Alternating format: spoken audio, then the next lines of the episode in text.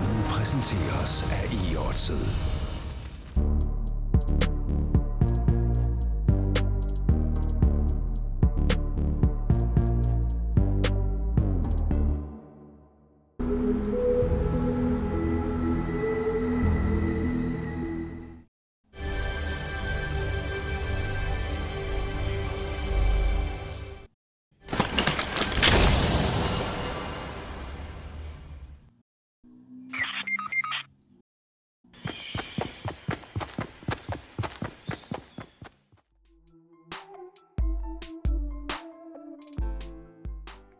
Denne podcast er en temaudsendelse om Fortnite.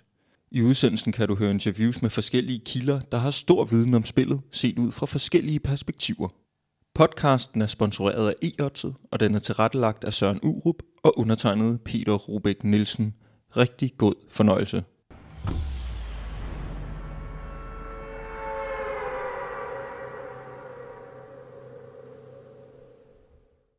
Spillet Fortnite blev udgivet i sommeren 2017 og har siden da sparket sig ind i populærkulturen. Fodboldspilleren Antoine Griezmanns scoring i VM-finalen 2018 blev sågar fejret med en dans fra spillet. Drake han er gået viralt med en Fortnite-dans, og selv Michelle Obama har stået sammen med julemanden og danset en af de utallige danse fra spillet. Sangere, sportsudøvere, butiksansatte, sygeplejersker, folkeskoleelever Fortnite har fanget folk over hele verdenen i dets Battle Royale-spilformat, hvor 100 spillere bliver smidt ned på en ø, og den sidste overlevende er vinderen. Men med spillets enorme popularitet kommer der også kritik. Debatten raser om, hvorvidt Fortnite skaber afhængighed hos børn, og har spillet format til at blive den næste store e-sport. Det forsøger vi at finde svar på i denne udsendelse.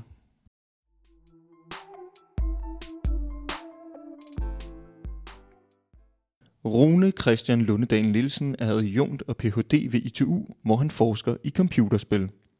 I november 2019 modtog han Titkenprisen for sin forskning i sammenhængen mellem afhængighed og computerspil. Hvad er det for effekter og knep, som Fortnite bruger til at fange spillere? Jamen, først og fremmest så har de jo bare lavet et spil, som rigtig mange mennesker synes er meget underholdende, og som er innovativt, fordi at det kombinerer nogle elementer, som når, som vi har set før i spil, men som sjældent ses i det samme spil. Og i Fortnite der er det jo det her med, at man render rundt og plyndrer, altså man render rundt og finder skattekister og finder ting. Og så skal man skyde hinanden som et klassisk skydespil, men så kan man også bygge, øh, hvilket er, er nyt i, øh, i, det, i det her type spil. Øhm, men øhm, Fortnite er jo så også det her øh, gratis spil, og det har jo langt fra været gratis at udvikle. Så de penge skal jo tjenes ind på en eller anden øh, måde igen. Og som vi ved, så når et digitalt produkt er gratis, så er det forbrugeren, der i virkeligheden er produktet. Ikke? Øhm, og det, som Fortnite gør, det er, at de øh, benytter sig af nogle, nogle ganske almindelige ting, sådan som at de har en, en butik, som kører med udsalg og tidsbegrænsninger osv., som gør, at hvis man gerne vil købe et skin, som kan være et sæt tøj for eksempel, man kan have på i spillet. Øhm, øh, er det kun til salg i måske 48 timer, skal man skynde sig at købe det. Ikke? Øhm, en anden ting, de gør, det er, at øh, de sælger de her battle passes, hedder det. Og battle passes, det er lidt svært at forklare, men det kan måske forstås lidt ligesom et slags turpas, som giver dig belønninger, hver gang du, du bruger det. Ikke? Så du betaler øh, noget lignende 80 kroner for at være med i tre måneder, som er den tid, som en sæson løber i i Fortnite. Og så øh, er der 100 niveauer. Du starter på level 1 og skal op på level 100. Og hver eneste gang, du, øh, du, får, du får point i spillet, øh, eller nok point i spillet, så stiger du så et level, og så får du så øh, alle de her præmier. Ikke? Øhm, og det, øh, det er jo noget, som folk godt kan lide, og som gør, at folk vender tilbage og spiller. Ikke? Og det kræver, at man spiller øh, nogle, mellem en og to timer om dagen, spredt ud over de her tre måneder. Øhm, så det er jo altså rigtig meget tid, man skal bruge, hvis man skal have alle præmierne øh, låst op fra det her turpas. I, i turpasset, der kan man bevæge sig hurtigere frem, hvis man spiller sammen med sine venner. Øhm, og det er, jo, det er jo ret fint, fordi det gør, at folk øh, er sociale og snakker sammen og spiller på hold sammen. Men det, det skaber selvfølgelig også noget socialt pres, fordi hvis øh, hvis der sidder venner og venter på, at du logger på og, og kan spille med dem, øh, så kan det jo selvfølgelig komme i konflikt med alle de forpligtelser, man har væk fra skærmen derhjemme. Hvilken indflydelse har Fortnite på unges sociale liv? Jamen, jeg tror, at Fortnite spiller en kæmpe stor rolle, fordi at Fortnite jo er mange forskellige sociale arenaer rullet op i en. Så Fortnite er jo et, noget, man kan blive professionel i. Man kan leve af at, og, og spille Fortnite, og så sende, sende en livestream ud på nettet, hvor andre kan sidde og kigge på en spille. Eller man kan deltage i konkurrencer øh, og vinde præm, øh, pengepræmier, som om, at det var tennis eller golf eller et eller andet. Øhm, så det er, jo en, det er jo noget, der kan blive til en levevej, og det, er en, det kan være sådan en, en konkurrencesport. Altså, det er jo selvfølgelig ikke en idræt, men det er jo måske nok en sport, lidt ligesom motorsport er det, eller sejlsport, eller, ja, eller, eller en, andre ting. En e-sport? Ja, lige præcis, en e-sport. Øhm, så, øhm, så, så der er jo det der, man kan jo få stillet sit behov for at konkurrere og føle sig kompetent ved at spille. Samtidig er der så også mange, der, der bruger det meget mere som bare et, et sted, man mødes, hvor at man logger ind, og så bygger man, hvad man nu synes, der er sjovt at bygge, og, og er sammen om det. Og så er det måske lidt mere ligesom at mødes til spejder, eller øh, i en strikkeklub, eller et eller andet andet, øh, hvor, man, hvor man hygger og, og arbejder sammen. Ja. Øhm, og så er der jo så også nogen, der bruger det bare til at sidde og spille alene, og bare slappe af, og ligesom give lidt ned efter en lang dag. Øhm, så, så Fortnite, det kan bruges på rigtig mange måder, som minder om, om øh, forskellige former for hobby og sport og andre former for aktiviteter, som vi kender fra, fra den ikke-digitale verden. Ser du Fortnite som øh, nutidens legeplads, hvor øh, unge mødes? Ja, det tror jeg i høj grad det er blevet. Øhm, britiske sociologer snakker om, at, øhm, at der opstår øhm, den her værelseskultur, hvor øh, børn og unge i højere grad bliver holdt hjemme af deres forældre, øh, fordi at vi er blevet mere og mere klar over, øh, eller bevidste om de farer, der kan være, når, når børn render rundt alene ud i verden. Øhm, og så samtidig så de her soveværelser blevet fyldt med elektronik. Øhm, og når man så som ung skal udleve sit ungdomsliv, øh, udvikle sin, sin personlighed osv., øh, så, øh, så er der mange unge, som, som gør det igennem sociale medier og spil, fordi det er simpelthen der, det er lette for dem at mødes. Ser du en øh, tendens til, at unge bliver mindre sociale af at spille Fortnite? Øh, der er det paradoks, at de unge selv føler, at det at spille Fortnite eller andre computerspil er hypersocialt. Altså de føler, at det er mere socialt at sidde og spille, sammen, altså spille sammen over nettet, mens man sidder fysisk separat, end det er at sidde fysisk sammen og passivt kigge på en tv-skærm for eksempel. Så dem, der spiller, de oplever det som meget socialt, men mange af dem, der kun ser det udefra, de oplever det som det modsatte. Og lad os så prøve at kigge lidt på den her afhængighed, som øh, Fortnite eventuelt kan skabe hos spillerne. Øh, ser du øh, Fortnite skabe afhængighed hos spillere? Ikke i den kliniske forstand, som vi kender fra nikotin, alkohol, kokain og heroin. Øhm, der er mange, man, man, man hører meget, at, at Fortnite skaber afhængighed, fordi at det frigiver dopamin i hjernen. Øhm, og det argument kan man godt bruge, men hvis man bruger det argument, så bliver man nødt til at anerkende, at, at alting, som et menneske kan gøre, kan være afhængighedsskabende. Fordi dopamin er det her øh, hverdags, øh, den her hverdags neurotransmitter, øh, kan jeg næsten fristes til at kalde det, fordi det netop er øh, en, det er ikke noget, det er ikke farlig, en farlig neurotransmitter. Selvom det også er en neurotransmitter, der bliver frigivet, øh, når man tager øh, visse former for afhængighedsskabende substanser, øh, så er det altså ikke i sig selv et farligt hormon. Og hvis man går den vej, så bliver man nødt til at anerkende, at alting øh, kan skabe afhængighed. Øh, så ikke klinisk afhængighed, men selvfølgelig kan man i takt med, at man investerer mere og mere i øh, tid i Fortnite, øh, vende sig mere og mere til, at det er der, man har sine sociale øh, kontaktflader og, og så videre, og så videre. Så hvis vi med begrebet afhængighed mener, at man kaster sig hovedkuls ind i noget, overgiver sig til noget, måske også gør noget for meget, så ja, det, det kan man godt, men det er ikke en substans, man skal være bekymret for på linje med, øh, med de her substanser, som vi ellers har snakket om i forbindelse med afhængighed. Så det, som, det, som jeg ser øh, øh, computerspilsafhængighed som, det er mere et symptom på noget bagvedliggende end øh, en sygdom i sig selv. Så hvis vi ligesom fokuserer på, lad os sige, den her 1% eller halve procent af Danmarks befolkning, som spiller øh, Fortnite i en, i en så høj grad, øh, at, det hænger, at, at det, der også er problemer forbundet med det, øhm, så vil min bedste vurdering af det være, at den her overdrevne øh, spilleri er et symptom og ikke en sygdom i sig selv. Og det kan jo så være et symptom på mange ting. Det kan være et symbol på, symptom på, at der er problemer i familien. Det kan være problemer over i skolen eller på arbejdet. Øh, eller det kan også være psykiatriske øh, lidelser som, som, som angst eller depression eller, eller et eller andet, man kan fejle.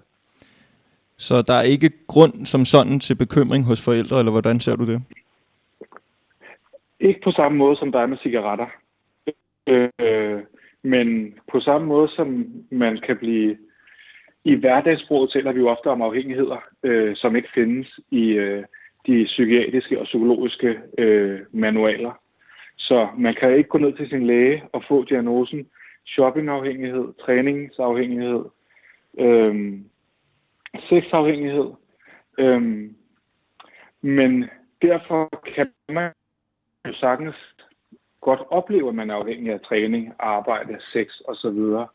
Øhm, og på samme måde, så kan man selvfølgelig godt have øh, en afhængighed af, af Fortnite. Øh, fordi vi bare forstår det som, som en situation, hvor man spiller så meget, at det har en negativ påvirkning på ens liv. Det, der gør det svært at, at snakke om det her på et, hvad skal man sige, et, et evidensbaseret grundlag, det er, at, øh, at vi jo har rigtig svært ved at lave kontrollerede forsøg, hvor vi prøver at finde ud af, om de her mennesker, der spiller rigtig meget Fortnite, om de ville have haft et anderledes og bedre liv, øh, hvis ikke de havde spillet Fortnite. Fordi hvis Fortnite øh, i virkeligheden er en coping-strategi, altså en måde, man prøver at mestre nogle udfordringer, man, man kæmper med, øh, så er det svært øh, når vi kun har individet at kigge på og vide, om det er en god måde at håndtere problemer på, eller en dårlig måde at håndtere problemer på. Øh, det at tage øh, heroin for eksempel er jo en, en forholdsvis dårlig måde at håndtere øh, sine problemer på, fordi det er så farligt. Øh, men når det så kommer til sådan noget som øh, at træne, eller trøstespise, eller alle mulige andre ting, så er det sådan lidt sværere at vurdere. Øhm, og øh, det vi ikke rigtig kan sige noget om, det er, om de her mennesker, som har mange problemer, som hænger sammen med, at de spiller meget Fortnite, om de ville have haft det bedre, hvis ikke de havde Fortnite, eller om de i virkeligheden bare ville have haft det dårligere, fordi at de trods alt øh, får dækket øh, nogle behov i spillet, som de ikke får dækket øh, i den ikke-digitale verden. Hvis vi så kigger på spillet igen, øh, hvad er det, som får spillere til at bruge penge på skins, danse og tøj i spillet øh, i dine øjne? Jamen, det handler nok om, øhm, det, det er nok de samme mekanismer, som gør, at vi bruger penge på mærketøj og mærkevarer øh, inden for biler og alt muligt andet. Øhm, det handler nok om, at, øh, at vi som mennesker godt kan lide at udtrykke vores, vores unikke personlighed, og det vælger vi at gøre, blandt andet øh, via tøj. Øhm, men når vi så spiller et computerspil, som øh, er, rent online, så kan man jo selvfølgelig ikke se, hvad for noget tøj vi har på derhjemme. Og derfor så kan man så bruge, øh, så kan man så købe de her skins øh, for at opnå social status. Og der kan det selvfølgelig godt være, at der er nogle mennesker, som ikke oplever, at de har særlig meget status ude i den virkelige verden, som føler, at de har ekstra behov for at have nogle fede skins inde i spillet, øh, og derfor øh, investere i skins. Så hvis man, hvis man er bekymret over, at man kender en, der, der bruger for mange penge på skins, så skal man måske ikke øh, bekymre sig meget om, øh, altså, øh, hvordan de her skins nødvendigvis, øh, altså, hvilken rent konkret funktion de har inde i spillet, fordi at et spil som Fortnite, der er det jo kun rent visuelt. Øh, og det man så skal måske begynde at overveje, det er, jamen hvorfor har den her person brug for øh, at bruge så mange penge på skins? Lidt ligesom hvis en person bruger alt for mange penge på tøj eller alle mulige andre statussymboler, øh, så spørger sig, spørger sig selv om ikke, jamen hvad er det ved en Louis Vuitton-taske, der, der er så dragende, men i stedet for at spørge, hvad er det i den her person, som gør, at personen bliver så ekstremt draget af at skulle eje den her øh, meget dyre taske. Ja, øhm, adskiller unges brug af Fortnite sig fra andre store spil gennem tiden øh, i forbrug hos unge, altså for eksempel WoW og, og Counter-Strike?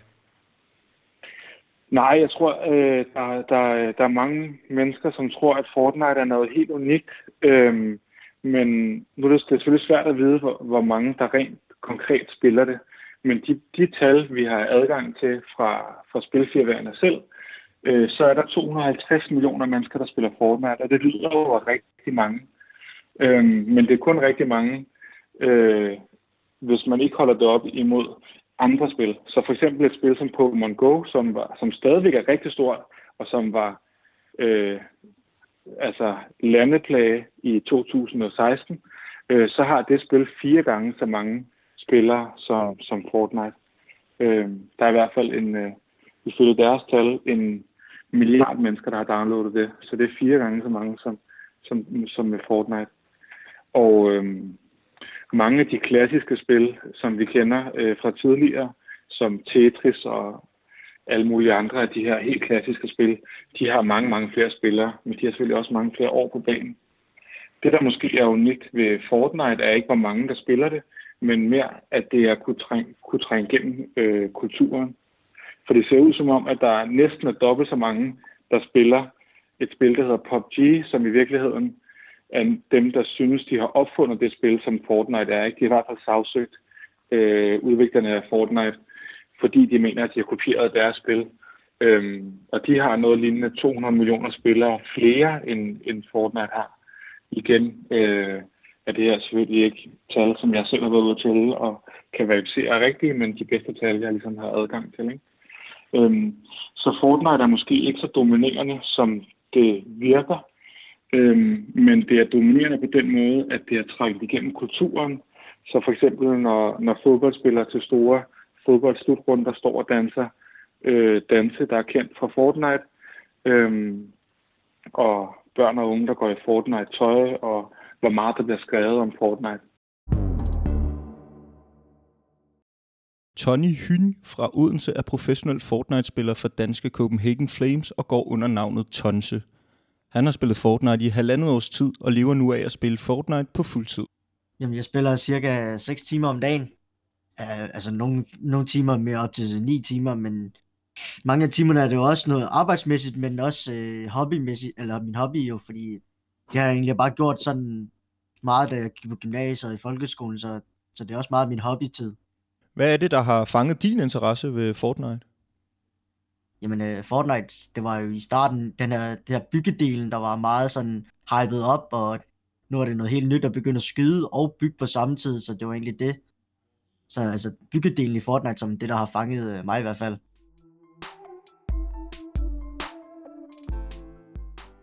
Øvelse gør mester er et kendt ordsprog, men hvordan bliver man en mester i Fortnite? Hvordan træner man, og hvordan bliver man bedre til spillet? Det forsøger Tonse at beskrive her. Jamen, øh, der, er, der er flere forskellige måder, at du kan brække på. Der er jo custom, altså som, hvor du spiller mod andre pro-spillere, og så er der også bare det individuelle, hvor du kan træne dine mekaniske øvelser. Øhm, men det er sådan, det er primært custom-delen, hvor du sådan ligesom øver det, som der er i konkurrencen, hvor der er rigtig mange tilbage i de små zoner, og ligesom øver på sine rotationer, og hvad der er bedst taktisk, og hvilken rute man skal løbe, når man skal loot op og så videre. Så, så det er helt klart custom, altså hvor du spiller mod andre pro-spillere, at du får mest ud af? Ja, helt præcis. Og, men også, jeg bruger også mange timer på at træne det mekaniske, fordi du skal hele tiden være, være på dupperne. Nu lever du selv af at spille Fortnite. Øh, hvordan ser du egentlig på spillet i en e-sportsmæssig øh, kontekst? Altså i forhold til sådan seerbasis og, ja, og e-sporten generelt, så, så Fortnite sådan, de halter i hvert fald lidt i forhold til e-sport viewerbase i forhold til Counter-Strike, der, der er Counter-Strike noget bedre til i hvert fald at markedsføre deres øh, e-sports del. I Fortnite, der, der svinger det meget, og så for sådan, den sådan blotte seer, som bare lige pludselig skal se Fortnite, sådan uden rigtig at kende det, så, så er det meget svært at sætte sig ind i, fordi der er mange ting, der sker, og lige pludselig så kan der løbe en snemand rundt, eller så kan du flyve lige pludselig halvdelen af mappet med en eller anden shockwave, så det er sådan, du skal være inde i spillet for at rigtig kunne forstå, øhm, hvad hedder det nu, den konkurrencedelen i Fortnite i forhold til Counter-Strike for eksempel. Hvordan oplevede I det på holdet her? Øh, nu er du hos Flames. Hvordan oplevede I det, øhm, dig og Quido, da, da Fortnite i oktober måned gik i sort? Jamen, jeg vidste jo godt, at der var et eller andet ved det. Det var jo vel bare et mediestand fra min side af, og jeg tænkte ikke rigtig noget over det. Så jeg tænkte bare, jeg holdt bare et par pauser, eller jeg havde bare et par dages pauser, det var egentlig fint nok. Vi har spillet, vi har grindet et helt år nærmest, så det var egentlig fint nok, at de havde lige et mediestand der. Det, det trak jo mange seere, fordi de kunne godt, jeg tror at Fortnite, de, de har styr på deres markedsføringsdel. Det, det har de skulle styre på. Kan du sætte lidt øh, flere ord på det her mediestunt? Jamen altså Fortnite, de er generelt rimelig gode til at lave events, og, og generelt bare markedsføre spillet på en eller anden uh, sjov måde. Altså de har jo haft øh, Marshmallow-koncerter, de laver lige for nylig lavet Star Wars events, så de er gode til at hype spillet op, og, og folk vil gerne se det, når det, når det endelig kommer. Og så lavet sådan en sort hul her, som var i to-tre dage her, det, det undrede mig egentlig ikke sådan som sådan. Der var ikke rigtig noget optag til det eller noget. Det synes jeg var fint, og det, det har spillet op, og jeg kom en hel masse øh, fede ting ud af det, synes jeg. Hvordan er det egentlig at spille for Copenhagen Flames sammenlignet med Odense e-sport, hvor du var før? Jamen, øh, Odense e-sport er jo, er jo en del mindre i forhold til Copenhagen Flames, og jeg har flere medarbejdere, så jeg kunne godt mærke allerede fra dag 1, da, da jeg joinede Copenhagen Flames, at der var meget mere professionel management, der, der hjalp mig, men også, øh, jamen altså, de havde, de havde et mål på, at nu skulle vi prøve at brande Tonse og kaste bolden i luften, og så skulle jeg bare prøve at gribe den, og så og brande mig selv som Tonse. Sådan. Hvad er dine ambitioner egentlig med, med Flames og, og Fortnite fremadrettet? Helt klart med Fortnite fremadrettet, så vil jeg øh, gerne placere mere konsistent i, i turneringerne op på leaderboardet hver uge og så videre.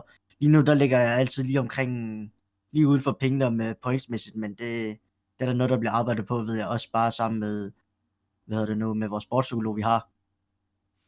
Hvordan hjælper den her sportspsykolog jer? Jamen, øh, han, det er ligesom den mentale del, der er i Fortnite. Det, det er mange timer, du sidder alene. Øh, når vi specielt spiller i hvert fald solo, det er det i hvert fald der, der er det allersværeste øh, mentalt for mig i hvert fald. At sidde så mange timer, og der er op- og nedtur, så du ved, der er meget nedturene, det presser, så ligesom det, det afspejler lidt nogle gange på dit spil, fordi at så begynder du øh, humørsvingene i spillet også, i stedet for bare at have det samme hvis du skulle gøre lytterne klogere på, hvordan det er at være Fortnite-spiller øh, i professionel kontekst, kan, kan du prøve at sætte nogle ord på det? Jamen altså, det er jo, det er jo relativt nyt at være professionel Fortnite-spiller sådan i forhold til CS. Så jeg synes bare, at... Ja, det, det, er ikke, det er lidt svært at forklare. Det er jo noget af en drengedrøm at få lov til at kunne spille i computerspil på fuldtid i hvert fald. Um, jeg ved ikke helt, hvordan jeg skal forklare det. Nej, okay. Øh, men, men vi kan prøve måske at kigge på dine fremtidige planer. Altså, hvor, hvor længe kunne du forestille dig, at du havde lyst til, eller har lyst til at spille et, et spil som Fortnite på, ja, på professionelt niveau? Ah, hvordan? Um, jamen, jeg har i hvert fald lyst så lang tid, at hypen og, og Epics præmiepenge er hvad hedder det nu, store nok til, at man, man har lyst til det, hvilket jeg ikke tror, at sådan vil ændre sig sådan uvist. Men jeg har haft, jeg har holdt to sabbatår for at prøve det her fuldt ud, både med streaming og også som professionel Fortnite, og har også fortjent en del penge hjem. Um, men øh, jeg har i hvert fald, i sådan en fremtid, der har jeg jo fået snakket med mine forældre og videre, hvad vi gør. Der har jeg i hvert fald sagt, at jeg vil nok begynde at læse videre efter mit sabbatår er færdigt her, mit andet sabbatår er færdigt her til sommer, og så læse som, det ved ikke, finansøkonom eller finansbachelor, og så endnu et eller andet, men stadig, men læse det øh, online, så jeg læser online studie, så jeg stadig kan lave det som et studiejob men med bruge lidt flere timer, på grund af, at jeg læser hjemme alligevel. Magnus Groth Andersen er chefredaktør på Game Reactor, som er Nordens største gaming site. Han ser lyst på fremtiden for Fortnite som e-sport, hvis Epic Games formår at skabe en stærk infrastruktur. Fortnite det er jo allerede et e-sportspil øh, med pæne præmiepuljer, men hvordan ser du egentlig øh, spillets potentiale som e-sport? Jamen altså, jeg tror det som, det virker på mig som om, at Epic Games allerede har demonstreret, at de om ikke andet har viljen til at, øh, at forvandle det her langsomt, men sikkert til en, til en, øh, til en e-sport. Jeg tror først og fremmest, at det handler om infrastruktur. Øh, jeg synes, at vi har set efterhånden, at rigtig mange forskellige slags spil, som kræver meget øh, mange forskellige slags mekaniske input kan blive forvandlet til en e-sport, hvis at arrangørerne bag sikrer stærke nok partnerskaber over hele linjen, og sørger for ligesom at skabe en, øh, en, en fed vibe omkring øh, hele sporten omkring det community, som rejser rundt i verden og tager til de her begivenheder.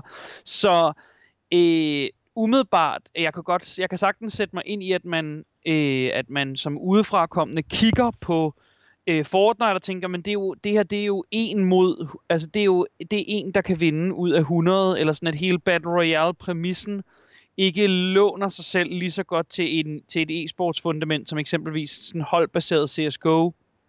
Men jeg synes samtidig, at, øh, at Epic Games har, har, øh, har sat sig for at, at skabe en, øh, en, en sund e-sports infrastruktur. Det eneste arbejde, som der reelt er foran dem, det er jo i virkeligheden bare at, at sikre, at de er med på hver eneste skridt af vejen, og måske, måske kan låne en lille smule af Blizzards måde at håndtere hele den her, inf- det her infrastrukturs arbejde på, som jeg synes er, er, er, er super bemærkelsesværdigt, den måde de har, øh, har håndteret hele konstruktionen af den her sådan, ja, ramme øh, rundt om sporten. Hvad er det øh, i dine øjne, der fanger den øh, særligt yngre generation ved et spil som Fortnite? Jeg tror hovedsageligt så har det noget at gøre med tilgængeligheden, fordi at det der med, som jeg sagde, at udviklernes øh, arbejde er lige nu at skabe en infrastruktur. Men selvfølgelig så starter alt det her sammen med, at der er en masse millioner mennesker over hele verden, som får et eller andet forhold til de basale mekanikker, som spillet øh, altså drejer sig om, centraliserer sig selv omkring. Øhm, sådan så, at når der er nogen... Altså, det, sådan er det jo i virkeligheden men med alt, der er kompetitivt eller konkurrenceorienteret, at man bliver nødt til at kende de basale regler, man bliver nødt til at, at kunne forstå rammen omkring det for at finde ud af, eller kunne øjeblikkeligt sætte sig ind i, hvorfor nogen er gode, og hvorfor nogen ikke er gode, hvorfor et bestemt move er effektivt eller strategisk finurligt, og hvorfor noget var, var skide dumt. Øhm, så øh, jeg tror helt sikkert, at en af Fortnites primære styrker er, at, det for det første er så tilgængeligt, som det er, er på så mange platforme, som det er, og er relativt let at forstå, når man først har, har, har, har set det blive spillet, så du skal nærmest se en enkelt kamp, så har du forstået de basale præmisser, hvorfor nogen er dygtige, hvorfor nogen ikke er, hvad det kræver, hvorpå nogen outsmarter den anden. Øh, så jeg tror i virkeligheden, at det er en langt mere tilgængelig e-sport, end eksempelvis sådan noget som Dota 2, som kræver stor fordybelse og, øh, og, og, og strategisk sans, hvorimod at man kigger på Fortnite øh, og, og forstår det øjeblikkeligt. Så derfor er det også lettere at sætte sig ind i, hvorfor nogle e-sportspillere er bedre end nogle andre, for eksempel. Hvor stort et spil er Fortnite egentlig, øh, hvis du skulle øh, vurdere det? Jamen altså, vi, vi, vi, det, det er svært umiddelbart at sige, at det er verdens største spil, men vi er oppe i den størrelsesorden. Så selvfølgelig, så, så er der en, en, en række giganter, der ligger og, og, og slås lidt derop i, i toppen af, af aktivitetsstatistikkerne og i salgstallene.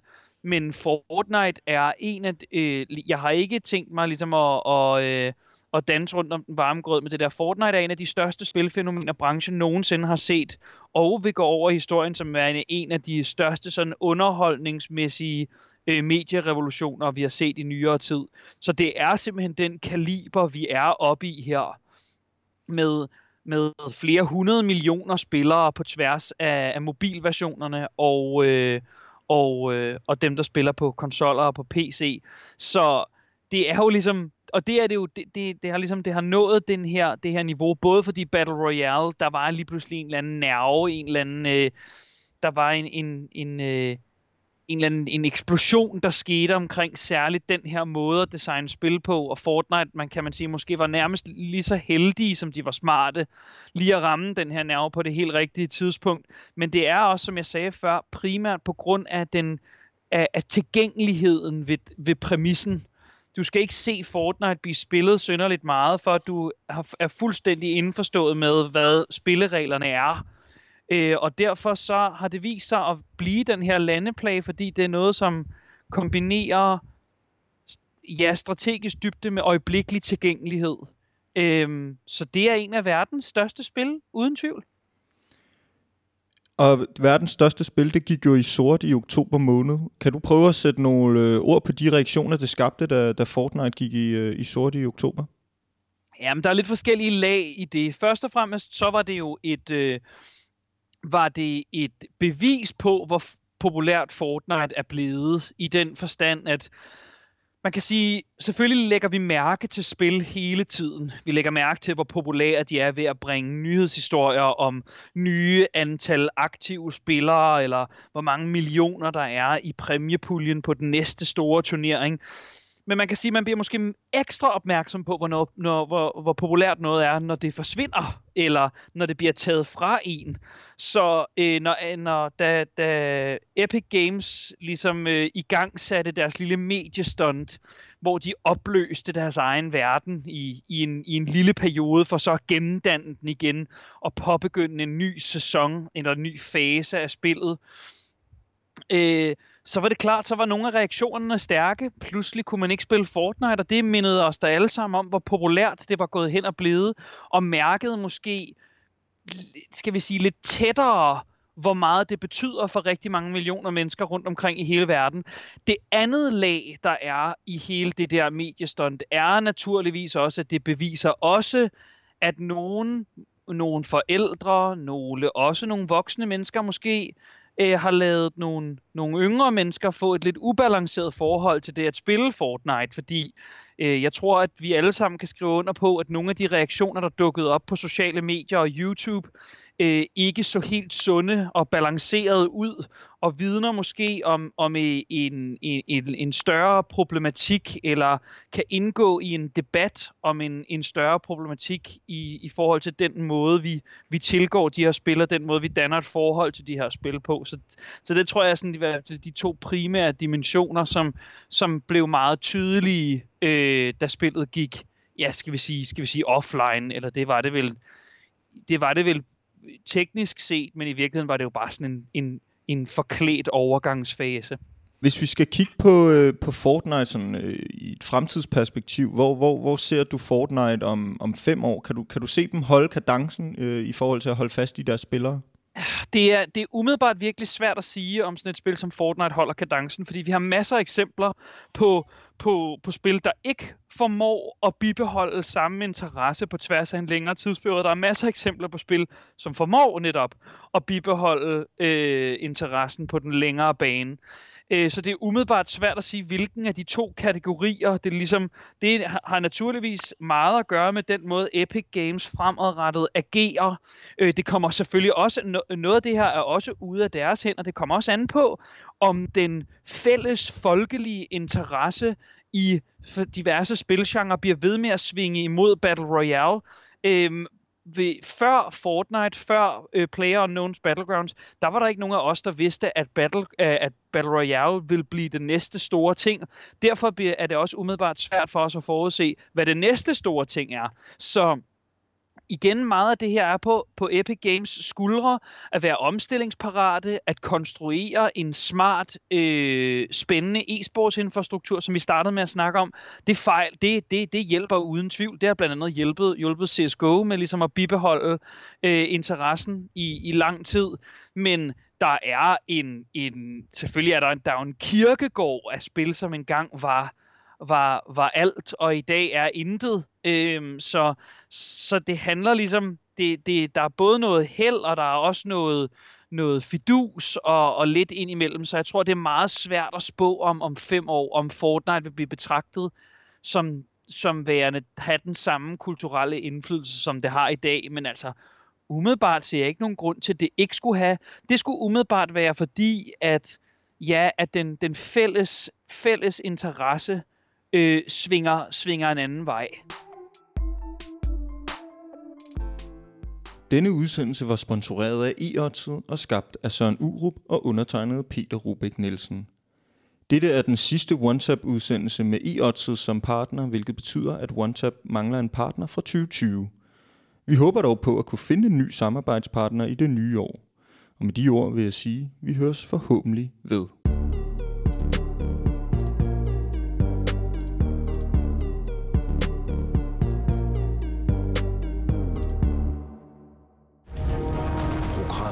Præsenteres af e